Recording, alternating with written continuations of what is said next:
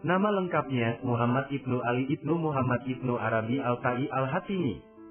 Nama ini dibubuhkan oleh Ibnu Arabi dalam Fihris. Katalog karya-karyanya, orang-orang sezamannya, khususnya Sadruddin Al-Kunawi memanggilnya Abu Abdullah. Banyak penulis pada umumnya menyebut dia sebagai Ibnu Arabi. Nama singkat ini telah lama dipakai oleh para penulis barat. Sebagian mungkin meniru gaya pengarang Turki dan Iran. Namun singkatan ini juga berfungsi untuk membedakan dirinya dengan salah seorang tokoh Andalusia lainnya yang terkenal, yakni Abu Bakar Muhammad Ibnu Arabi.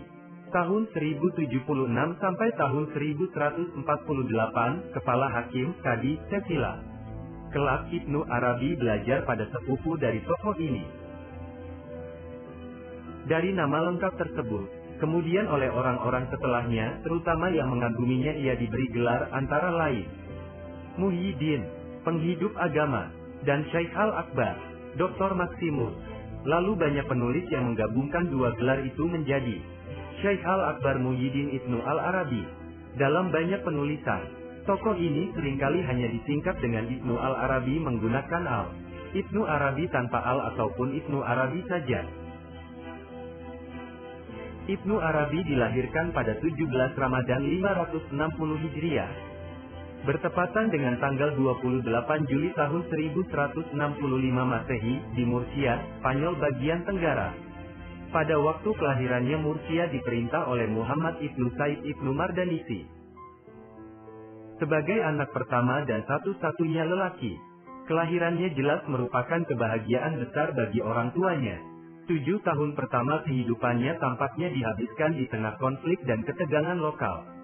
Ayahnya bertugas sebagai tentara Ibnu Mardanisi, penguasa lokal yang mendirikan kerajaan kecil untuk diri sendiri, dengan bantuan tentara bayaran Kristen.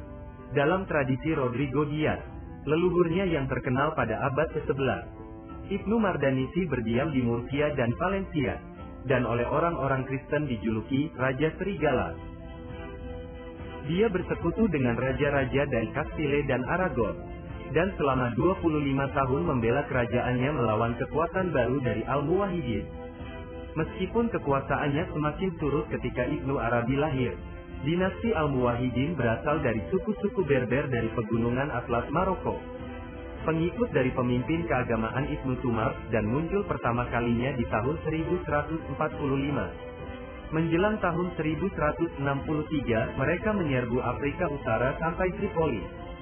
Sepanjang 20 tahun sebelum kelahiran Ibnu Arabi, Al-Muwahidin telah membangkitkan dan mengkonsolidasi kembali persatuan muslim di Andalusia. Membangun benteng pertahanan untuk melawan gangguan dari orang-orang Kristen di utara. Mereka menjadikan Sevilla sebagai ibu kota lokal, dan membangun stabilitas di seluruh daerah Afrika Utara.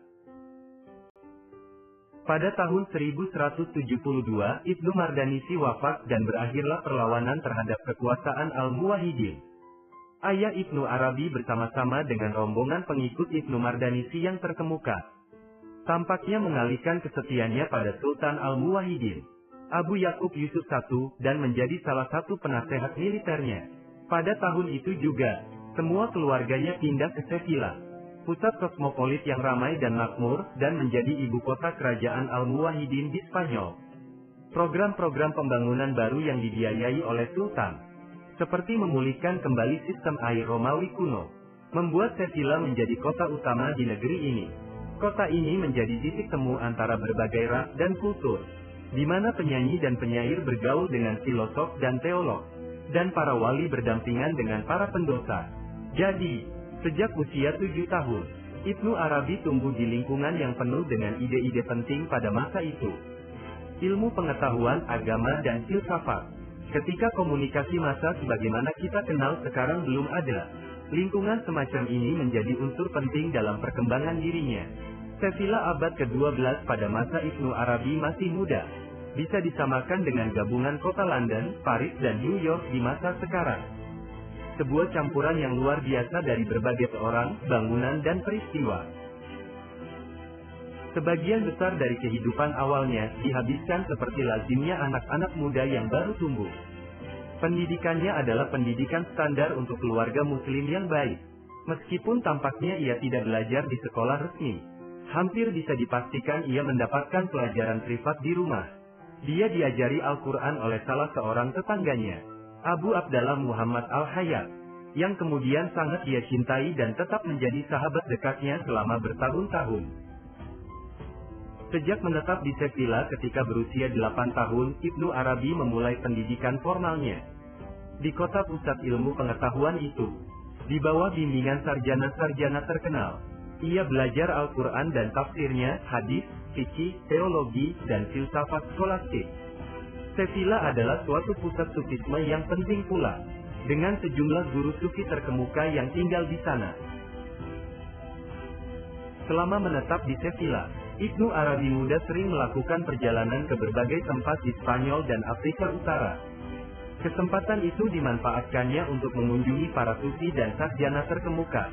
Salah satu kunjungannya yang sangat mengesankan adalah ketika berjumpa dengan Ibnu Rusid di Cordova.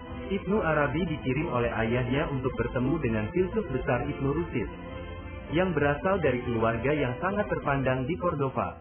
Ibnu Rusid dari semua tokoh abad pertengahan Spanyol, mungkin orang yang paling terkenal di Eropa, karena ia memperkenalkan kembali karya-karya Aristoteles, astronomi, meteorologi, pengobatan, biologi, etika, logika, dan ulasan-ulasannya berpengaruh luar biasa terhadap Eropa.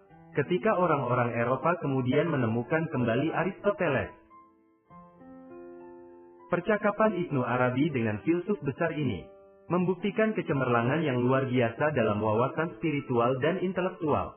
Percakapan tersebut menjelaskan perbedaan dan pertentangan asasi antara jalan akal logis dan jalan imajinasi gnostik, yang kemudian membagi pemikiran Islam secara keseluruhan ke dalam dua cabang. Fakta bahwa Sufi muda mengalahkan filsuf pripatetik itu, dalam tukar pikiran tersebut dengan tepat, menunjukkan titik buhul pemikiran filosofis dan pengalaman mistik Ibnu Arabi yang memperlihatkan bagaimana mistisisme dan filsafat berhubungan satu sama lain.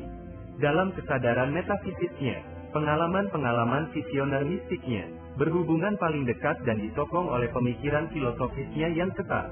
Ibnu Arabi adalah seorang mistikus, yang sekaligus seorang guru filsafat peripatetik, sehingga ia bisa atau lebih tepat telah memfilsafatkan pengalaman spiritual batinnya, ke dalam suatu pandangan dunia metafisis maha besar sebagaimana terdalam dalam hubungan dengan struktur metafisikanya ke dalam wahdatul wujud.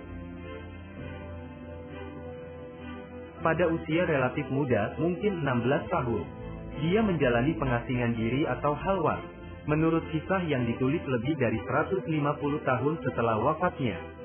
Diceritakan bahwa, Ibnu Arabi suatu ketika ikut pesta makan-makan bersama teman-temannya, dan sebagaimana kebiasaan di Andalusia, setelah hidangan daging, lalu disajikan anggur. Saat dia hendak mulai minum segelas anggur, tiba-tiba dia mendengar seruan, Wahai Muhammad, bukan untuk ini engkau diciptakan. Karena ketakutan mendengar suara yang tegas ini, dia lari ke sebuah pemakaman di luar kota Sevilla. Di sana ia menjumpai reruntuhan yang mirip sebuah gua. Selama empat hari ia tetap tinggal di sana sendirian melakukan halwat melakukan zikir dan hanya keluar saat salat. Ibnu Arabi tampaknya ditakdirkan untuk mengikuti jejak ayahnya. Ia bertugas dalam pasukan tentara Sultan Al-Muwahidin selama beberapa waktu, dan dijanjikan kedudukan sebagai asisten untuk gubernur Sevilla. Dia sendiri menyebut periode kehidupan ini sebagai periode kejahilan.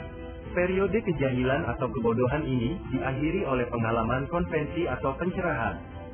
Kejahilan Ibnu Arabi bukan merupakan masa ia melakukan dosa besar atau tindakan yang melampaui batas, namun hanya ketidakpedulian terhadap Tuhan dan godaan dari daya tarik duniawi.